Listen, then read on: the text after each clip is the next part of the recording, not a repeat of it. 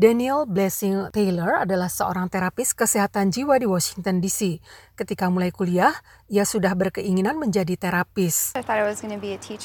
Semula saya mengira saya akan menjadi guru dan kemudian saya mengambil mata kuliah psikologi umum. Saya benar-benar terpesona ingin belajar tentang orang, bagaimana mereka bekerja, mengapa mereka melakukan sesuatu, dan mengatakan hal-hal yang mereka lakukan. Menurut Taylor, ia selalu menjadi seseorang yang dijadikan tempat curhat, seseorang yang suka menolong, dan ia benar-benar menikmati hal tersebut. Semua orang bekerja dari rumah dan punya waktu lebih banyak dengan keluarga mereka. Jadi waktu yang biasa digunakan orang-orang usai bekerja untuk rileks, keluar dari tekanan dan terhindar dari semua stimulasi Bye. Hilang selama pandemi. Dan karena itu orang mengalami lebih banyak stres, kecemasan, banyak kesulitan mengatur rutinitas dalam kehidupan mereka lagi. Ia mengatakan mengatur rutinitas dalam kehidupan dapat membantu orang mengatasi stres. Misalnya, mengatur kapan mereka bekerja, bangun tidur, makan pada waktu-waktu tertentu.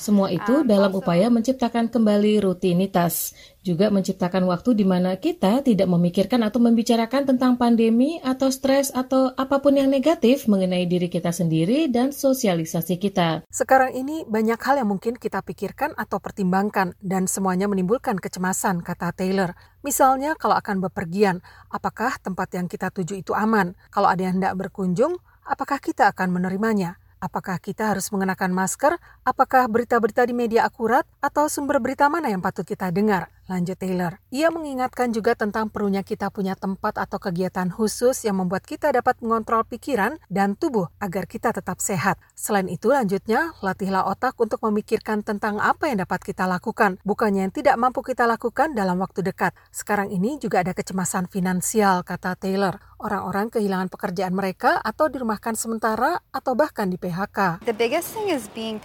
Yang paling penting adalah bersikap sabar, memahami bahwa kita semua melalui masa-masa yang benar-benar traumatik, suatu krisis. Lihatlah hal-hal positif. Banyak juga orang yang demikian lalu mengatakan, baiklah, jadi saya tidak punya pekerjaan. Coba kita lihat apa hal baiknya. Saya punya banyak waktu dengan keluarga, tidak seperti sebelumnya. Satu tips penting lain dari Taylor adalah berusaha selalu bersyukur dan menghargai semua yang kita miliki, sekecil apa pun. Demikian info kali ini, Utami Husin, VOA Washington.